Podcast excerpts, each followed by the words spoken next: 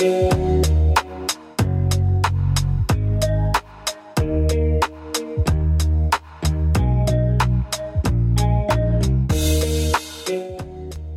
wszystkich bardzo serdecznie, z tej strony Kuba. Zapraszam do kolejnego odcinka podcastu. W dzisiejszym epizodzie usłyszycie serwis informacyjny Morisa i Dorka. Następnie mamy dla Was bardzo ciekawy wykład na temat obecnej sytuacji pokera w Polsce i na świecie. Wykład jest przygotowany przez Urbiego. Dalszą część podcastu zajmie wywiad Fizolofa z naszym trenerem Wafelkopem.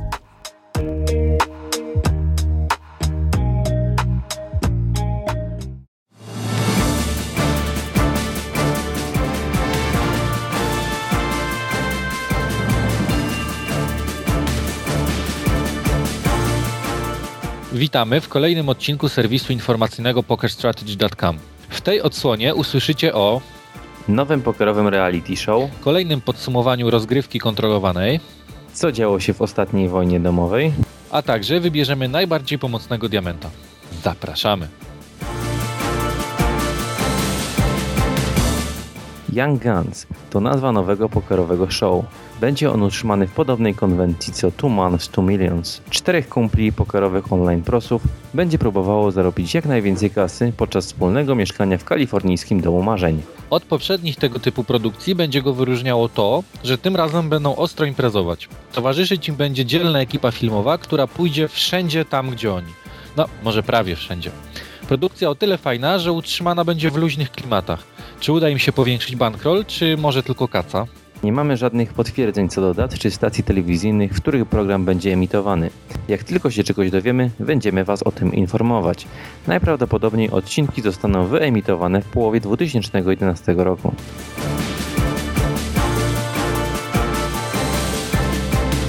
Nowa produkcja z czwartego turnieju rozgrywki kontrolowanej już dostępna w naszym serwisie. Dla niewtajemniczonych przypomnijmy. Rozgrywka kontrolowana jest to turniej, w którym biorą udział wszyscy gracze PokerStrategy.com. Nie byłoby w tym nic nadzwyczajnego, gdyby nie to, że uczestnicy Final Table zobowiązują się do udostępnienia swoich hand history, przez co mamy pełny wgląd na to, co działo się przy finałowym stoliku. Wynikiem tego eventu jest film szkoleniowy w postaci Session Review. Recenzentem poczynań finalistów jest nasz trener TM Finger. Pomimo tego, że w turnieju mogli zasiąść wyłącznie gracze ze statusem złotym i wyższym, to produkcja jest przeznaczona dla wszystkich użytkowników naszego serwisu. Serdecznie zapraszamy do obejrzenia tego filmu. Za nami siódmy turniej wojny domowej. Tym razem na starcie stanęło aż 7978 osób. Każdy z nich wpłacił wpisowe w kwocie 5,5 dolara, przez co w puli nagród znalazło się prawie 40 tysięcy dolarów.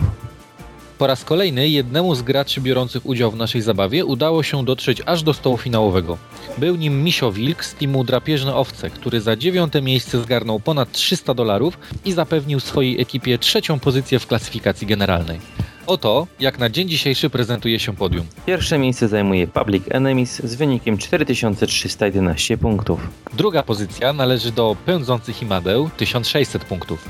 Natomiast podium uzupełniają Drapieżne Owce z wynikiem 456 punktów. Za tydzień rozegramy ostatni turniej i wszystko już będzie jasne. Czy Public Enemies są nie do pobicia, a może na zakończenie naszej zabawy komuś uda się zająć pierwsze miejsce i tym samym zapewnić sobie triumf. Również drapieżne owce nie mają na tyle dużej przewagi, aby czuć się pewnie przed ostatnią potyczką. Przypomnijmy, że dodatkowe nagrody pieniężne zostaną przyznane reprezentantom trzech najlepszych drużyn.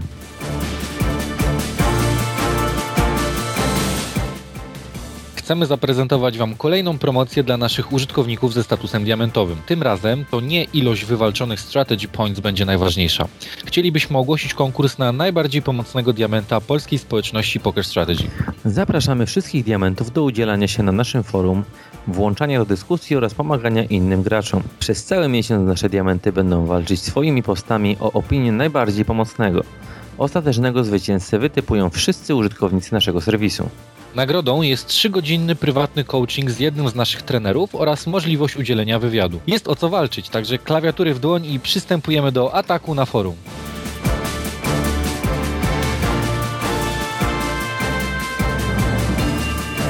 Serwis informacyjny prowadzili dla Was Morris oraz Torek. Dziękujemy za uwagę.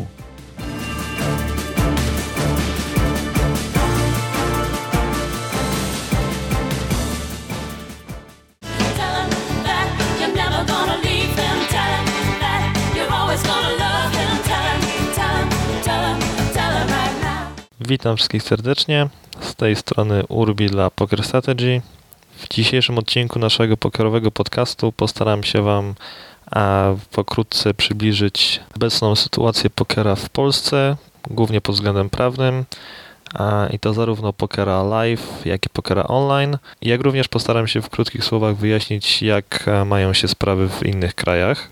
Z dniem 1 stycznia roku ubiegłego weszła w naszym kraju w życie a, tak zwana ustawa antyhazardowa, skierowana pierwotnie przeciwko automatom o niskich wygranych, m, czyli tak zwanym e, jednorękim bandytom. Zawierała w sobie jednak również zapisy, które spowodowały, że e, my jako pokerzyści staliśmy się w pewien sposób przestępcami. Jaka była sytuacja prawna pokera w Polsce przed tą datą? Otóż, a jeżeli chodzi o pokera online, był on czymś nieznanym dla polskiego prawa. A natomiast co do pokera live, e, nie było żadnych problemów. A w kasynach można było bez żadnych problemów organizować turnieje, organizować gry cashowe, a również w klubach pokerowych można było spokojnie sobie usiąść przy stoliku do gry i grać. I jednak pewnego dnia a, weszły na jaw afery, po których, aby w jakiś sposób załagodzić e, opinię publiczną, rządzący naszym krajem zdecydowali się ukrócić wszelki ich zdaniem e, hazard. Odbyło się to właśnie przez wprowadzenie ustawy antyhazardowej, której główne zapisy mówią o tym, że po pierwsze gry live, e, gry live cashowe mm, są zabronione w każdej formie. Natomiast gry turniejowe mogą się odbywać wyłącznie w kasynach, wyłącznie mm, przy ściśle określonej li- liście graczy. Lista ta musi być utworzona i podana przez kasyno Ministerstwu Finansów 3 miesiące przed e, planowanym terminem, minimum 10 graczy e, i oczywiście nałożony na to dużo większy podatek niż zwyczajowo pobierają same kas- kasyna jako prowizyjne organizacje. A kasyna w większości miast na świecie pobierają sobie około 10% wpisowego jako prowizję, natomiast tutaj mielibyśmy do czynienia z y, ogromnym, ogromnym podatkiem, dodatkowo oprócz tejże prowizji. I wszystko to spowodowało, że legalne turnieje w Polsce praktycznie się nie odbywają. Organizatorom takich turniejów e, zwyczajnie nie opłaca się, jak również e, wiedzą oni, że zainteresowanie takimi turniejami będzie dużo, dużo mniejsze w związku właśnie z, z większymi opłatami. Tak więc Poker Live e, oficjalny w Polsce nie istnieje, bo jak już mówiłem, gry cashowe są zabronione, natomiast gier turniejowych nikt oficjalnie nie organizuje. Jeżeli natomiast chodzi o pokera w internecie, to znalazł się on na czarnej liście gier hazardowych, które zostały zabronione. Dozwolone w internecie są zakłady wzajemne, czyli tak zwana bookmacherka, ale już na przykład gra w pokera, gra w blackjacka, gra w ruletkę jest całkowicie zabroniona. Także według e, obecnego polskiego prawa każdy, kto z terenu Polski, będąc polskim obywatelem i, i co ważniejsze polskim rezydentem podatkowym gra sobie w pokera, tudzież w ruletkę, jest przestępcą i łamie prawo. A jedynymi wyjątkami, e, zarówno jeżeli chodzi o live, jak i online, są gry darmowe, a, czyli możliwość, istnieje możliwość organizowania free rolli, e, istnieje również możliwość gry na mm, play money Mm, i to właśnie dlatego poker w Polsce jeszcze jest e, żywy. Dlaczego? Otóż e, istnieje w wielu polskich miastach, nie będę wymieniał z nazwy, kto powinien wiedzieć ten wie, ale w, istnieją kluby pokerowe, w których regularnie odbywają się turnieje, w których również często odbywają się gry cashowe. A w jaki sposób organizowane są takie turnieje? Mm, Są one free rollami, to znaczy płaci się wyłącznie za wstęp do klubu, Natomiast, e, nagro- natomiast wstęp do samego turnieju jest darmowy, e, a nagrodę odbiera się w barze, a nie w związku z e, zajętym miejscem w turnieju. W ten sposób w świetle polskiego prawa mamy do czynienia z free rollem, mimo że nieoficjalnie każdy wie, że jest jak najbardziej turniej za prawdziwe pieniądze. A co do gier cashowych w takich klubach, to oczywiście gra się na żetony, więc żetony same w sobie nie posiadają żadnej wartości. Także tutaj sprawa jest dosyć, dosyć prosta. W ten właśnie sposób poradzono sobie z obostrzeniami nałożonymi przez ustawę, jeżeli chodzi o pokera live. Natomiast jeżeli chodzi o pokera online, opieramy się tutaj na czymś innym, a mianowicie na tym, że Na chwilę obecną rozgrywek w internecie nikt nie jest w stanie, przynajmniej nikt z Ministerstwa Finansów i osób e, zainteresowanych tematem nie jest w stanie monitorować. Nawet jeżeli Ministerstwo Finansów e, posiadałoby takie uprawnienia, że a nasi operatorzy internetowi byliby zobowiązani do przesyłania im e, adresów, z którymi się łączymy i zobaczyliby, że łączymy się na przykład z naszego domowego, domowego komputera z PokerStars, to i tak e, ciągle nie są w stanie nam udowodnić, że nie graliśmy tam na Play Money, e, a na prawdziwe pieniądze. Tak więc na chwilę obecną z samego tytułu gry nie grożą nam jeszcze żadne konsekwencje. Mm, no właśnie, konsekwencje. W razie gdybyśmy jednak e, zostali pociągnięci do odpowiedzialności karnej, popełniając na przykład taki błąd jak kupno czegoś, czegoś dużego, czegoś drogiego, nie posiadając żadnego legalnego dowodu e, i będąc w potrzebie tłumaczenia się przed Urzędem Skarbowym z, skąd pochodzą nasze zyski, no mamy wówczas dwie możliwości. A pierwszą możliwością, jeżeli już dojdzie do takiej sytuacji, jest e, ukrycie prawdziwego źródła dochodu, Mm, wówczas e, przepisy mówią, że zapłacimy od, e, od kwoty, o którą jesteśmy posądzeni, 75% podatek, jak to zwany podatek od nieudokumentowanego dochodu. Możemy oczywiście również przyznać się, że pieniądze pochodzą z pokera, ale trzeba być świadom tego, że wówczas nie dość, że zapłacimy 100% podatek, to znaczy zostaną nam zabrane wszystkie nasze wygrane, to jeszcze do tego będziemy musi pewnie zapłacić jakąś grzywnę. Ale co ważne, jak, jak wspomniałem chwilę temu, abyśmy w jakikolwiek sposób zostali przez e, organy administracyjne pociągnięci do odpowiedzialności, musielibyśmy popełnić bardzo, bardzo poważny błąd e, właśnie w stylu mm, dokonania poważnego zakupu, nie posiadając prawdziwego dochodu. Lub też, co jest e, drugą możliwością, dokonali wypłaty z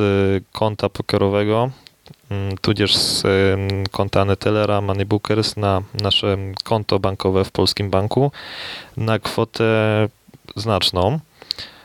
Co to znaczy znaczną? E, często mówi się o tym, że banki są zobowiązane do rejestrowania e, przelewów powyżej 10 tysięcy euro. To oczywiście jest prawda, natomiast e, trzeba tutaj zdawać sobie sprawę z tego, że ta granica 10 tysięcy euro mm, to nie jest w żaden sposób taka granica decydująca. To znaczy, banki mają zarówno możliwość rejestrowania dowolnej wielkości przelewów, także nawet te poniżej 10 tysięcy euro mogą zostać rejestrowane ale jak również w drugą stronę, banki co prawda rejestrują przelewy powyżej 10 tysięcy euro, ale nie zawsze takie przelewy muszą być zgłaszane do urzędów, do Ministerstwa Finansów czy do Urzędu Skarbowego a jako przelewy podejrzane. Mm, czyli chciałbym, żeby każdy miał świadomość, że wypłata na konto bankowe 9999 euro nie jest stuprocentowo bezpieczna, natomiast wypłata 10 tysięcy euro e, jest już zawsze niebezpieczna. To nie jest tak, jednakże ja ze swojej strony gorąco e, odradzam w ogóle jakiegokolwiek wypłacania pieniędzy na konto bankowe, dlatego że można pieniądze z pokera wypłacać dużo łatwiej, a dużo szybciej i, i mimo wszystko powiem dużo bezpieczniej. Mm, dlaczego użyłem stwierdzenia mimo wszystko? Dlatego, że przez e, rok, od kiedy ta ustawa weszła w życie, ja przynajmniej nie słyszałem, nie było po prostu w Polsce takiego przypadku, aby ktoś został przyłapany na grze w pokera i za to skazany na jakąkolwiek karę. Co nie znaczy, że coś takiego nie może się zdarzyć w przyszłości. Co więc robić, aby spokojnie dysponować naszymi pieniędzmi wygranymi w pokera? W momencie, gdy mówimy tutaj o, o kwotach niewielkich, rzędu do, do kilku tysięcy mm, dolarów miesięcznie, jeżeli pracujemy, posiadamy legalną pracę, od której tradycyjnie odprowadzamy podatki, składki na składki zdrowotne, składki ubezpieczeniowe i całą masę pozostałych niepotrzebnych wydatków, a to wówczas korzystając z konta Moneybooker, skorzystając z konta Neteller i z kart e, bankomatowych, które do tych kont możemy sobie zamówić, pieniądze wygrane w pokerze wypłacamy bezpośrednio w bankomacie. A Urzędowi Skarbowemu i Ministerstwu Finansów na pewno mm, nie chciałoby się przechodzić przez procedurę mm, proszenia to jest chyba najlepsze słowo, proszenia Netellera bądź Moneybookers o, o wskazanie źródła, e, z którego te pieniądze pochodzą. E, bo po pierwsze jest to bardzo zawiła sprawa w kwestii formalnej, w kwestii administracyjnej, a po drugie ani Moneybookers, ani Neteller, ani żaden inny operator tego typu e, nie ma żadnego obowiązku udostępniania danych naszym organom administracyjnym. Czemu wspomniałem o legalnej pracy? Dlatego, że warto mieć zawsze e, jakieś zabezpieczenie. Tak, jeżeli kupimy sobie mm, plazmę 50-calową za 10 tysięcy złotych, to zawsze możemy powiedzieć, że nic nie jemy, nic nie pijemy, w nic się nie ubieramy, a pieniądze z pensji odkładamy i za to właśnie kupiliśmy telewizor. Dużo gorzej natomiast, jeżeli jesteśmy studentami, nie posiadamy jeszcze własnego źródła dochodu i przychodzi nam do głowy pomysł kupna samochodu, powiedzmy chcemy kupić mieszkanie, a chcemy kupić jacht, chcemy kupić odrzutowiec, czy jakikolwiek tego typu obiekt, na który jest nas stać. Przy kupnie samochodu należy już spisać umowę kupna-sprzedaży. Z taką umową udaje się do Urzędu Skarbowego E, aby odprowadzić od tego podatek i w tym momencie już byłby problem, skąd wzięliśmy pieniądze na, na zakup, dlatego mm, odradzałbym kupowania czegoś większego, mm, jeżeli zarabiają wyłącznie na pokerze. Mm, jakby reasumując tą część, e, tak długo jak mamy do czynienia z niewielkimi kwotami, dużo lepiej jest je wypłacać z bankomatu przy użyciu karty Netellera lub e, karty Moneybookers, Natomiast zaczniemy operować większymi kwotami, to ta wiedza na temat radzenia sobie z przepisami polskiego prawa powinna już sama do nas przyjść. E, jak ma się sprawa e, z grą za granicą? Jeżeli bierzemy udział w turniejach organizowanych za granicą, czy to najbliższe naszemu sercu obecnie Czechy, mm, czy też w eventach typu EPT, typu SOP, e, to nie musimy się niczego obawiać. Turnieje organizowane za granicą są z punktu widzenia polskiego prawa jak najbardziej legalne, możemy w nich brać udział. Mm, pozostaje wyłącznie kwestia tego, czy będziemy musieli od nich odprowadzać podatek. E, I tutaj sprawa ma się różnie. Mianowicie z, z większością krajów Polska ma podpisane porozumienie e, o braku mm, podwójnego podatkowania. Nie jest jednak jednoznacznie określone, mm, gdzie należy zapłacić podatek, a to znaczy w przypadku niektórych państw e, płacimy w tym państw, podatek w tym państwie na terenie którego została zanotowana nasza wygrana, natomiast w przypadku innych mm, ten podatek płacimy w Polsce. Mm, w każdym razie nigdy nie będzie tak, że będziemy musieli zapłacić podatek zarówno na miejscu, jak i później po powrocie do kraju. Takie uzyskane na drodze wygranej w turnieju live za granicą pieniądze są całkowicie legalne, możemy je spokojnie opodatkować, tak jak zarobione w każdej innej pracy na terenie naszego kraju. A jeżeli chodzi natomiast o gry online, będąc za granicą, tutaj ważne jest pojęcie rezydentury podatkowej. To znaczy, jeżeli jesteśmy rezydentami podatkowymi w Polsce, czyli mieszkamy przez większość roku w Polsce, pracujemy w Polsce, czy też uczymy się w Polsce a, i wyjeżdżamy na przykład na wakacje do, do Wielkiej Brytanii na 3 miesiące, tam przez 3 miesiące gramy w pokera online, a to wciąż te pieniądze są traktowane jako zarobione mm, na pokerze, jako zarobione w internecie grając z terenu Polski. E, I nie ma tutaj znaczenia to, że rzeczywiście znajdowaliśmy się w Wielkiej Brytanii. E, ma znaczenie wyłącznie to, że e, płacimy podatki w Polsce. I w ten sposób uzyskane pieniądze są w ten sposób uzyskane pieniądze są ciągle nielegalne. Musielibyśmy mm, przeprowadzić proces zmiany rezydentury podatkowej, mm, który jest różny w zależności od kraju, mm, o którym mówimy. A skoro już byłem przy Wielkiej Brytanii, to e, w Wielkiej Brytanii jednym z warunków uzyskania rezydentury podatkowej w tym kraju jest pobyt w tym kraju przez co najmniej 6 miesięcy. Przy czym nie jest to jedyny warunek. Mm, także osoby planujące wyjazd, e, dłuższy wyjazd za granicę muszą się już dowiadywać bezpośrednio, a jakie przepisy obowiązują w danym kraju. Mm, na koniec chciałbym jeszcze rozważyć pytanie, co nas może czekać w przyszłości. Możliwe, że wejdą w życie różne nowelizacje do ustawy antyhazardowej. Z tych czarnych scenariuszy najbardziej prawdopodobne jest e, dodawanie do nich kolejnych uprawnień dla służb celnych, dla Urzędu Skarbowego.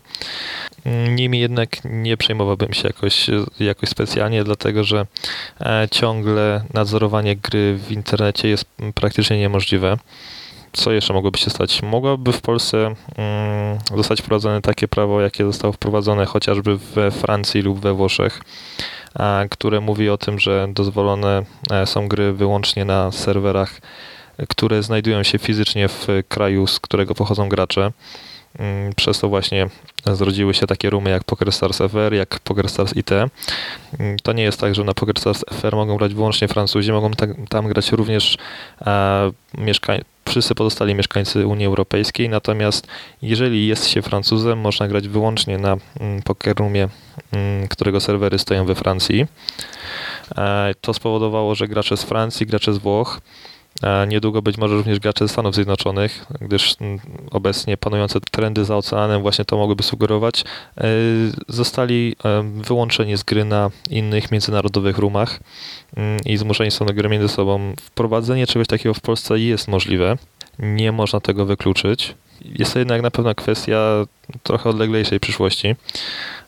Prace nad y, tego typu ustawami trwają długo. W, w większości normalnych krajów trwają długo. W Polsce, e, no, jak nie trudno sobie wyobrazić, trwałyby pewnie e, jeszcze dłużej.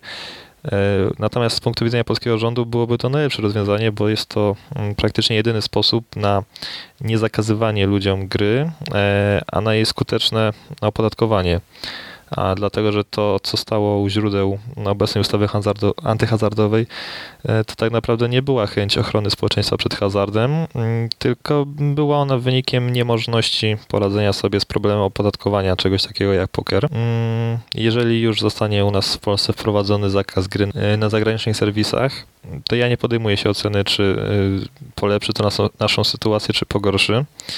E, z jednej strony mamy mm, PokerStars FR, na którym mówi się, że poziom jest bardzo niski, na którym bardzo łatwo jest wygrywać. A z drugiej strony mamy nas, Polaków. Mm, nie lubimy grać chyba z innymi Polakami. Zawsze jako tych największych fiszów na pokerumach wskazujemy graczy z innych narodowości. Także są za, są i przeciw. E, to już pozostawiam Wam do rozstrzygnięcia, czy byłoby to dla nas korzystne, czy nie. A gdyby doszło to do skutku, a gdyby ktoś uznał, że mimo wszystko nie jest to dla niego korzystne, to zawsze może się zapoznać z czymś takim jak proxy. Tutaj już odsyłam do Google, nie będę tego tłumaczył.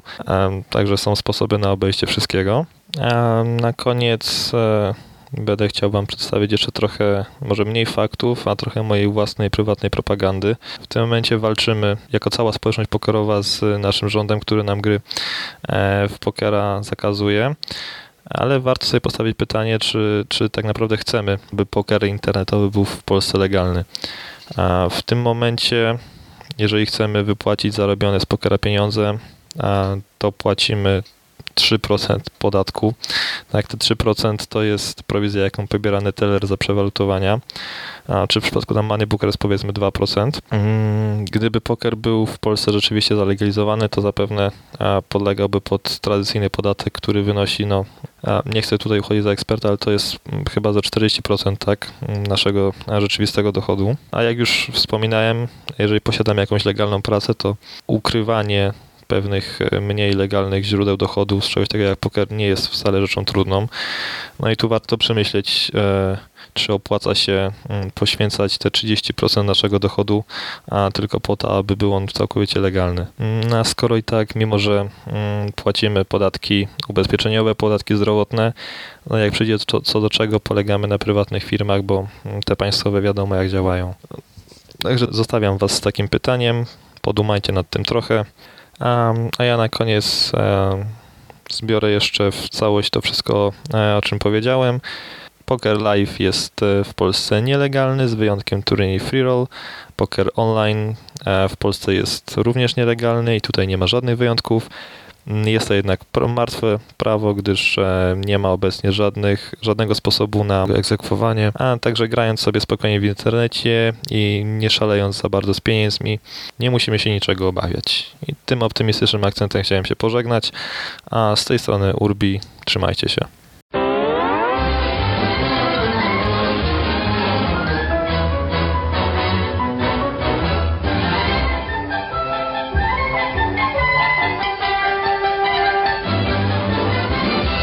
Powitać serdecznie w nowym roku. Z tej strony Fizolów dla pokerstrategy.com. E, pierwszy nasz podcast noworoczny. Pamiętajcie, że 2011 to będzie najlepszy rok ze wszystkich, ponieważ następny podobno być już ostatni.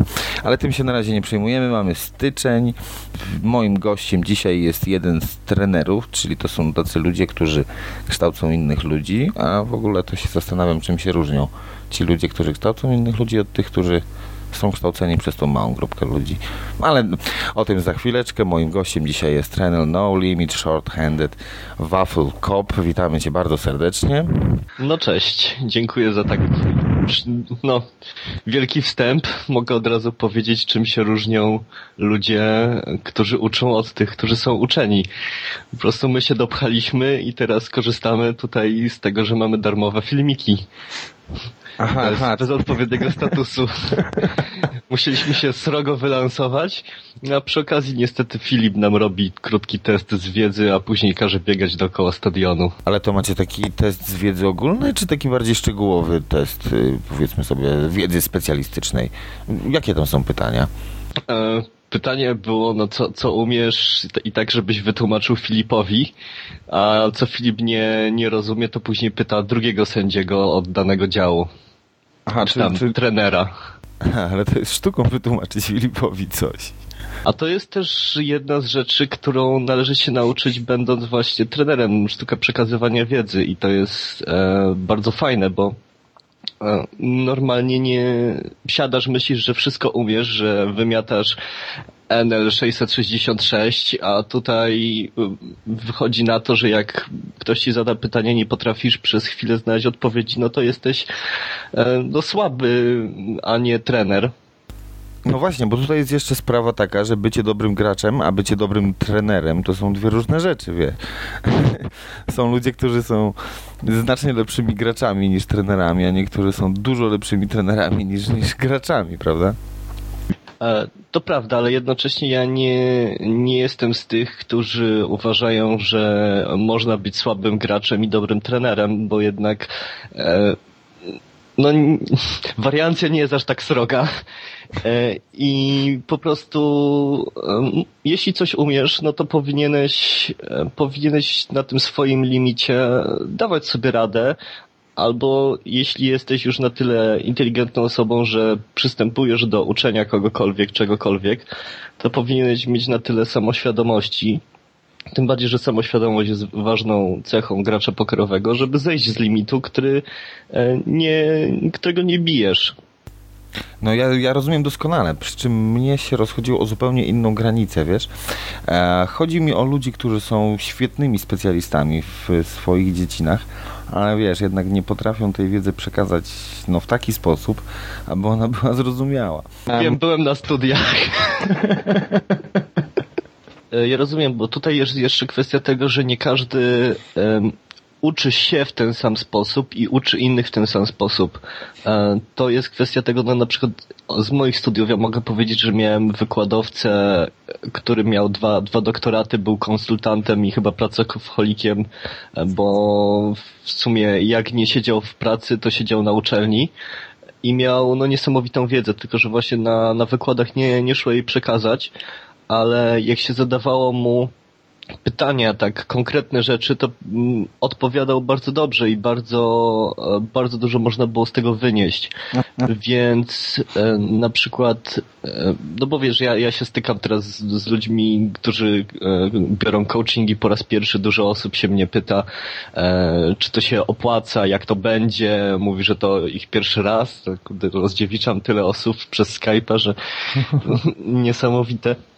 Ale no ja wszystkim mówię i to mm, bym polecał po prostu, żeby znaleźć swój sposób uczenia się i jeśli już dla kogoś coachingi są e, tym najlepszym sposobem, to też nie, nie ograniczał się do tego, żeby e, wziąć jeden coaching z jedną osobą, tylko też poszukać, poszukać osoby, która ma podobny styl myślenia, mówienia, I w ten sposób, bo to wiesz, to jest twój, twój czas, twoje hobby, z którego później może się przerodzić w pracę.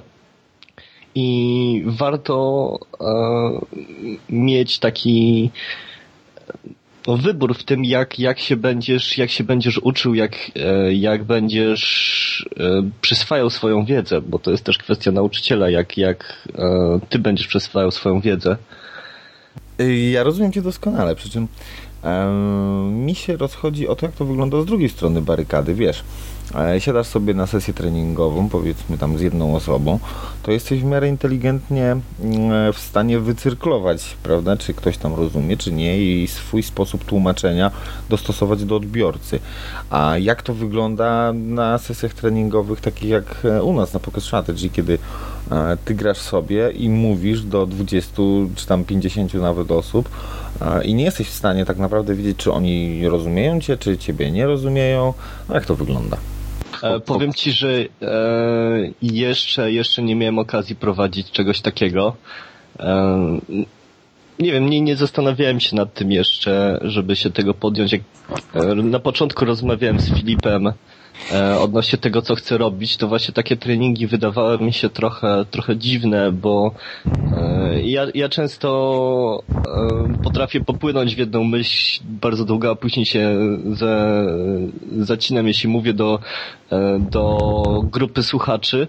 A jak jest rozmowa jeden na jeden, to zawsze jest, wiesz, taka interakcja, e, pytania, coś, jakieś myśli, coś się dzieje. I też coś się dzieje przy stolikach zwykle, albo jeśli ja tłumaczę coś teoretycznego, to ja mam sobie jakiś, jakiś plan tej rozmowy przygotowany, więc e, przyznam się szczerze, że nie wiem jak sobie radzą pozostali trenerzy z e, prowadzeniem treningów grupowych, a też za bardzo nie wiem jak wyglądają, bo na nie nie uczęszczam, zawsze jest coś, coś innego do roboty. O, to jesteś samoukiem, czy korzystałeś kiedykolwiek z jakichś e, treningów? E, najpierw korzystałem z e, tych. Ojej. E, z filmików, później uczyłem się z różnych study group, a później zacząłem brać coachingi. W sumie najwięcej ich wziąłem u Ninjaya. I powiem Ci, że to też wzięcie coachingu dla mnie nie dość, że poprawia moją grę, to jeszcze jak później biorę sobie to, co, tą sesję, co miałem z Ninjajem i patrzę, jak szybko są pewne informacje przekazywane, jak, jak pytania wyglądają, też e, poprawi, może mi to zrozumieć, jak wygląda sesja ze mną z drugiej strony, jak czasami po prostu trudno jest e, ze wszystkim nadążyć, bo jednak masz dodatkową warstwę informacji i Aha. przyznam się szczerze, że od pewnego czasu szukam e, jakiejś alternatywy dla najbardziej popularnego takiego sweat session. E, uczeń gra, ja coś mówię, on coś mówi, bo jest jest bardzo dużo rzeczy czasami do przemyślenia, jeśli już tam gramy powyżej jakiś podstawowy poziom. Aha. Ale nie wiem, jak, jeśli wymyślisz coś na ten temat, daj mi znać. E, szczerze? Zgubiłem się w połowie twojej wypowiedzi. Kurde, to mam nadzieję, że, że ludzie będą w stanie... Ale nie. E, Przesłucham sobie później, to ten, to dojdę. Dlatego zakończyliśmy to takim aha. Aha. Okej. No, to jest takie panadolowe, wiesz? Czasami panadolowi można tak coś tłumaczyć, tłumaczyć i, i człowiek się produkuje i mówi, a panadol to kwituje takim aha, okej, no dobrze. Ale z, e, z pana, Licząc na jakąś interakcję, wiesz, z drugiej, z drugiej strony, nie? tak, ro, rozumiem. E, Kiedyś na jakiejś imprezie w- połączonej z moim poprzednim hobby, które też było grą strategiczną. E, grałem w lepszą wersję Pokémonów, czyli Magic the Gathering. E, no tam granie wyglądało tak, że stała zwykle jakaś butelka wódki i się grało w te, w te gry, testowało się to, co tam trzeba zrobić i tłumaczymy koledze coś tam odnośnie tego, czego można się jutro na turnieju spodziewać, tłumaczymy, tłumaczymy, a on w pewnym momencie zasnął. My tak po sobie, to, o, o co chodzi? On się po dwóch minutach budzi, kontynuuj. Jeszcze zależy jaką ktoś, kto ma percepcję, wiesz, to nie, nie jest, nie jest problem. No, zobaczymy. Wspomniałeś o Magicu, czyli ty jesteś z tej samej, em, z tej samej beczki co Góral. E, tak, nawet Górala najpierw znałem jakoś z towarzystwa e, magicowego, co prawda nie jakoś, nie jakoś dobrze, a później dopiero e, usłyszałem, że słuchaj, jest taki gracz, co go kojarzysz z Magica, on właśnie wygrał dużo kasy. No. Aha. A kiedy ty zacząłeś grę, kiedy przeszedłeś z Magica na pokera? E, znaczy najpierw ja miałem kilka innych hobby, a później to było tak, że koledzy mnie zaprosili na piwo, graliśmy, to jest taka gra, takie są zasady, choć sobie pogramy po e, 10 zł. No dobra, fajnie było. E, później stwierdziłem, że jest na tyle fajnie, że warto pograć online. E, przeczytałem jedną książkę i w sumie to była książka, która mi mówiła rób tak, bo tak, więc przez rok Aha. byłem, byłem fiszką, która robi tak, bo tak, a nie robi e, Coś nie ponieważ... tak, dokładnie, robi coś ponieważ. No i tak mi się całkiem, całkiem dobrze z tym żyło, dopóki nie wszedłem na No Limit 50 i tam już regularnie oddawałem powoli pieniądze. No to stwierdziłem w pewnym momencie, że warto się czegoś nauczyć więcej. No, A ale co, to, co to była za książka? e, no to niestety zostanę zrugany, bo to była ta um, Harrington on, on Hold'em, czyli Biblia dla wielu, a jest, jest e, no niezbyt współcześnie napisane, jak są teraz książki, e-booki zwykle, które em, dokładnie tłumaczą co, dlaczego, po co, a poza tym ona była do sit and go'owa, ja chciałem ją mm, stosować również w kaszówkach, Raczej do turnieju MTT. tak, do, do turnieju MTT i spróbowałem ją stos- stosować w kaszówkach i niestety z Blind of Deep ona nie działa, niestety. Totalnie. Ale nie wydaje ci się, że jednak e, ta literatura, która już jest uważana za taką, no powiedzmy sobie ikony Biblii i tak dalej, i tak dalej, ona już powoli zaczyna tracić na wartości ze względu na to, co się dzieje we współczesnym pokerze, że on ewoluuje znacznie szybciej niż e, te ikony takie jak e, powiedzmy Doyle Branson czy, czy nawet Dan Harrington, no, no, one tak szybko no nie, nie odejdą z tego świata, książki tak. po nich pozostaną. Natomiast sam poker już się e, zmienia, tak, nie? książki pozostaną, ikony może odejdą szybciej. No, E, wiem, wiem o co ci chodzi, ale e, powiem ci, największą bolączką tych starych książek jest to, że one nie są dostosowane tak naprawdę do tego, jak się teraz myśli o pokerze w ogóle jako o, grze- o grze. Nie, nie ma czegoś takiego jak em, jakaś, jakiś fundament, na którym się opieramy. Nie ma, nie ma w ogóle koncepcji e, range'u rąk. Takich, wiesz, podstawowych rzeczy, z których należy się uczyć Mhm. i rozumieć grę w, w No Limit Hold'em. I one po prostu dlatego się zdewoluowały o wiele szybciej, bo e, ich, e, że tak powiem, zaawansowane informacje już wcale nie są zaawansowane, a informacji podstawowych nigdy nie było, więc nie ma komu tak de facto polecać tych książek już. I ja uważam, że naprawdę obecnie o wiele lepiej sobie kupić e, e, lub wyrobić na Poker Strategy jakiś dostęp do filmików i przyswajać sobie filmiki, szczególnie jeśli ktoś ma telefon komórkowy, na którym może je oglądać w tramwaju czy, czy gdzieś tam. To jest zawsze, zawsze czas, który będzie dobrze spożytkowany. Myślisz, że można się skupić na filmiku siedząc w tramwaju przy minus 10 stopniach z marznącymi rękami? Ja noszę rękawiczki. Słuchaj, zawsze ma, mama mówiła, no, noś czapkę, rękawiczki, jedz brokuły, będziesz dobrym pokerzystą.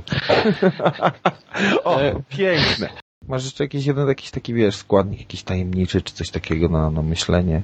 E, w sumie to powtarzanie, powtarzanie i, i ciekawość, bo e, to jest kwestia tego, że e, no i ja wyszę, wychodzę z tego, że nie wiem. No to jak nie wiem, no to się chcę dowiedzieć i nie, nie chce mi się zatrzymać w połowie, tylko chcę się dowiedzieć do końca, jak to wygląda, jak to działa, czy wszyscy myślą, czy wszyscy postępując tak, jak postępują, rzeczywiście myślą dobrze.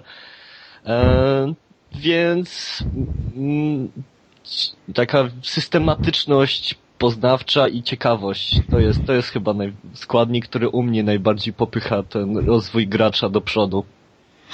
A powiedz mi jedną rzecz, bo e, rozmawialiśmy przed chwileczką o tej ewolucji pokera, a można już powiedzieć raczej rewolucji. Mhm. E, Ja zauważyłem taką prawidłowość, że średnia wieku pokerzystów wygrywających masę pieniędzy i ogólnie wygrywających s- jest coraz niższa. Czy czym to może być spowodowane? Wiesz, no, są gracze, starzy wyjadacze, którzy są świetnie znani i tak dalej, ale na przykład Doyla Bransona czy nawet Dana Harringtona już wieki temu nie widzieliśmy w kasie żadnego wielkiego turnieju, nie mówiąc o stoliku finałowym na przykład. No tak, ale w Wilhelmiu ostatnio coś nawet wygrał, więc to nie jest... Przestań. Nie jest To taki, wie. wiesz... Znaczy. Artur Wacek też dwa razy był przy finałowym stoliku. No tak.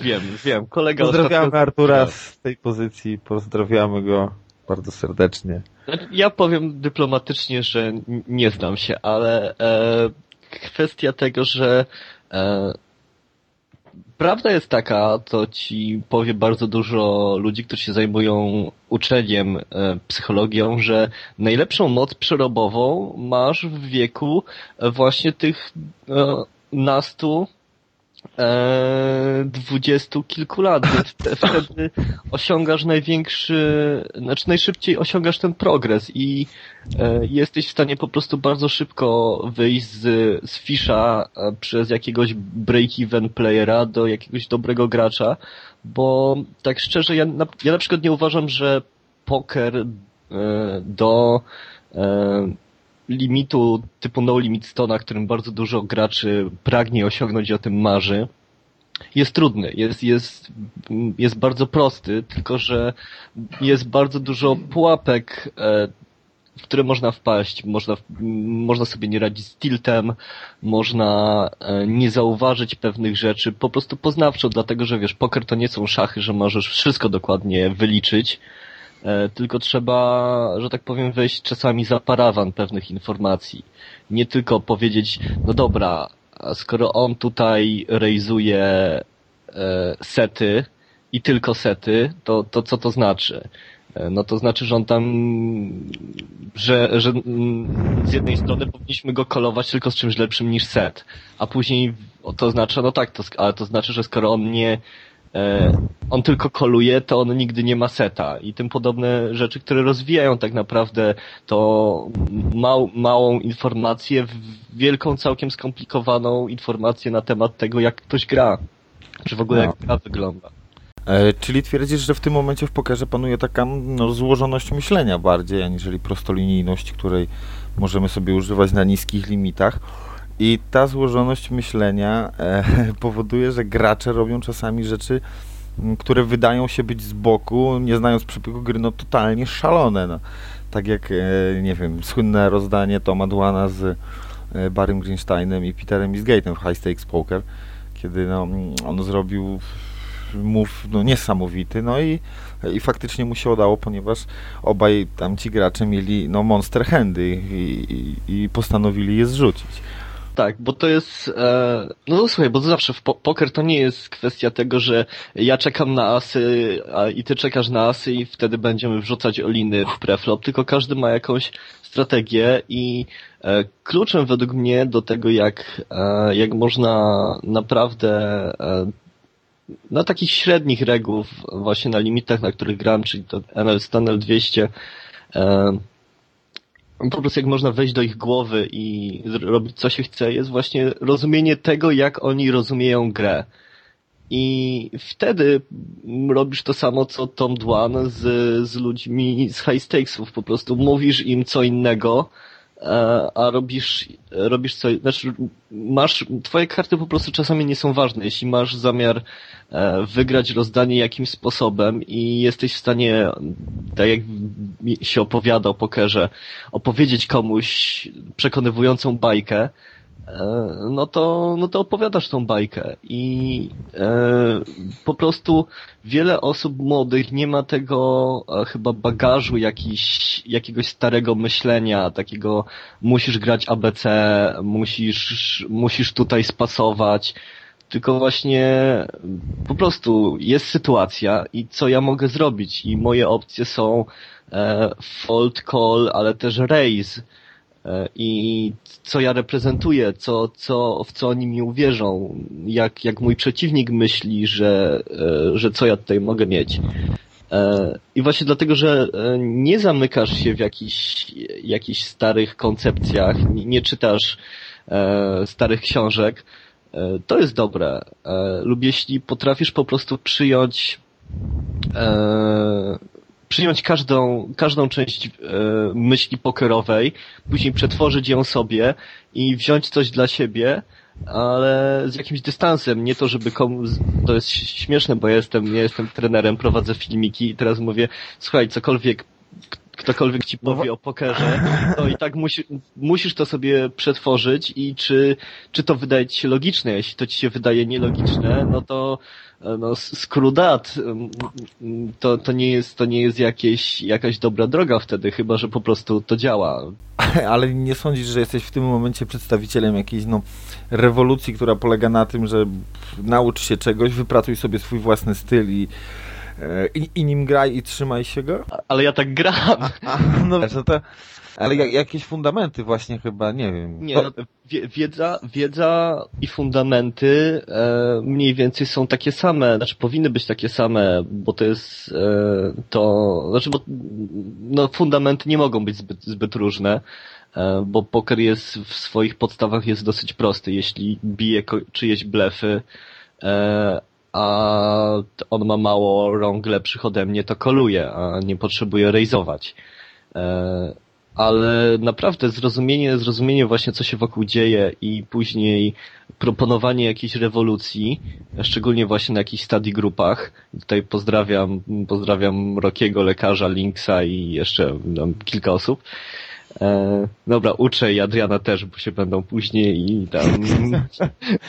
E, chodzi o to, że, e, że po prostu czasami ja rzeczywiście mogę zaproponować jakąś małą rewolucję, e, po prostu większości boardów i foldowania reszty, reszty swojego range'u, e, bo, bo ludzie w ten sposób nie myślą i to jest dla nich problem z tym, żeby cokolwiek, cokolwiek z tym zrobić. Ja tam, e, jak tak sobie popatrzyliśmy na jedną teoretyczną sytuację i stwierdziliśmy, słuchaj, my możemy tutaj checkraizować 40% swojego range'u. Wow. Ale Wojtek, nie wgłębiajmy się tutaj w szczegóły, bo dojdziemy do konkretnych rozdań i się zrobi miszmasz, no. I wywiad się wydłuży do dwóch godzin. E, jasne. E, no ja jestem taki, wiesz, poznawczym scientist, geek i w ogóle... A to jest tylko wywiad. Te już tak. na, na filmikach, nie? Na Jeszcze ostatnie jedno pytanie chciałem Ci zadać, jeśli chodzi o tego współczesnego pokera. Ile możesz wyciąć z tego wywiadu? Nie, nic się nie wytnie. Y, chodzi mi o taką rzecz, że no ja już w tym jakby interesie siedzę ładnych kilka lat. Y, widzę rozwój pokera, widzę, widzę to, co dzieje się y, z grą samą w sobie, jak ona się rozwija, w którą stronę przebiega i czasami mam ochotę powiedzieć, że to jest no czyste szaleństwo. E, obserwując e, niekiedy mm, grę na przykład na European Poker Tour, który mam dla Was przyjemność relacjonować, to no, nie rozumiem. No, czasami po prostu nie jestem w stanie zrozumieć. No wiadomo, że nie, nie widzę pełnego przebiegu gry, nie wiem jakie ridy mają poszczególni gracze na siebie, natomiast z punktu widzenia obserwatora, który widzi jakieś jedno rozdanie, które ja później relacjonuję dalej, e, to czyste szaleństwo wychodzi. Tam już leveling jest na takim poziomie, który jest no, dla obserwatorów zupełnie nieosiągalny. Tam jest 20, 20 poziom trzeciej orbity. No. Nie, wiesz co, to, to, tak, to jest dobre podsumowanie, bo dużo się mówi, że poker wkrótce się skończy, że nie będzie dochodowy. E, wiesz co, tak kolokwialnie to bym nazwał na P, Aha, e, e, że to jest, że to jest gadanie po prostu, że to nie, nie, nie, nie to nie jest taka prawda. To jest po prostu, e, jasne na EPT nie grałem na tak, tak czasami wysokim poziomie, ale czasami jak się ogląda relacje, to to, to, to nie jest już szaleństwo, to też przechodzi w głupotę, e, mhm. niektóre zagrania, ale to co, to, co Gomor mówi na swoich filmikach, stary, nie leveluj się tutaj, to jest NL1000.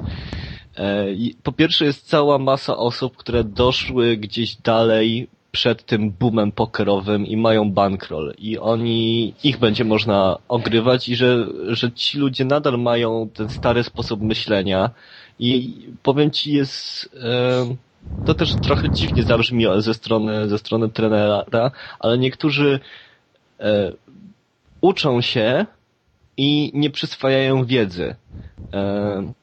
I to jest kwestia tego, że jasne, ja mogę każdemu poświęcić czas. Ja niektórym ludziom, jak się do mnie odzywają na Skype'ie, polecam jakieś książki, polecam jakieś artykuły, e, z, czeg- z czego się po prostu nauczyć.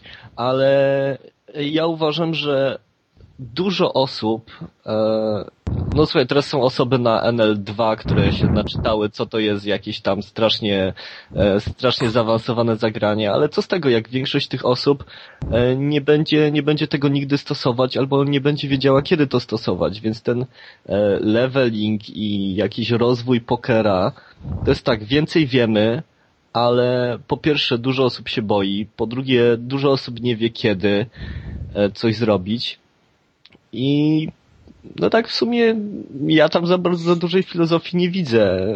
Czasami patrzę jak znajomi grają na, na wyższych limitach e, i też w sumie dosyć e, dopóki nie ma jakiejś, jakiejś dłuższej gry z daną osobą, to też jest dosyć to takie e, no, że tak powiem, w granicach rozsądku. Y, Ale wiesz, ja zauważyłem zupełnie odwrotną rzecz, że ym, w pokerze zaczyna się znacznie bardziej grać z przeciwnikiem, aniżeli swoimi własnymi kartami. I mm, no, gracze znacznie więcej uwagi przy, przykładają do tego, co zrobi ich rywal, co on może zrobić w danej sytuacji, co zrobi tutaj, co zrobi tam. A karty zaczynają mieć coraz mniejsze znaczenie. A moim zdaniem poker to jednak, no, no nie oszukujmy się, ale jest to gra kartami i chyba to jest gra w karty, prawda? Tak więc no, za niedługo może dojść do sytuacji, że nie wiem, karty w ogóle nie będą potrzebne do rozdawania, tylko bytujmy, rejzujmy i tak dalej, i tak dalej. No oczywiście teraz to już poszedłem troszeczkę e, w no, surrealizm, natomiast y, mm, dochodzi do takiego momentu, że gracze sami siebie zapętlają, później przychodzi o, taki gościu jak, nie wiem, no, nasz kochany trener na NL1000 i uci, grając zwykłym tagiem, no. No tak.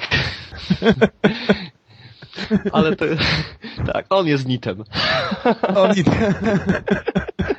Nie, ale e, to, bo to, to jest prawda, bo to jest takie, wiesz, e, poker to w sobie można go rozpisać na, na kole. Jeśli ja gram tak, to dostosowuje się jeden szczebelek dalej. Tylko, że jeden szczebelek dalej nie idzie jak po drabinie wyżej, tylko się zbliża z powrotem do tego ogona i jak sobie tak wszyscy przejdziemy dostosowywanie się jeden do drugiego, do trzeciego i w sumie i tak ci, tych ludzi jest mniej niż pewnie tych szczebelków w, w drabinie, to oni będą najpierw grali, że tak powiem, w pierwszej ćwiartce tego koła, później w drugiej, a w końcu i tak za, z powrotem będą grali, e, grali to samo. I, bo, bo to jest kwestia tego, że no nie jesteś w stanie się e, dostosowywać e, nie zmieniając swojej gry.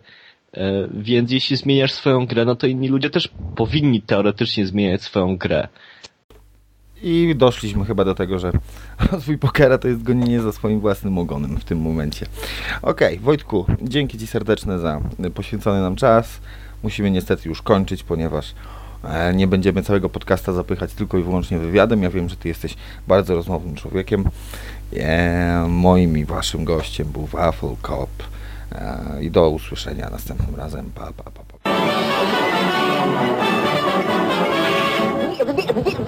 哦。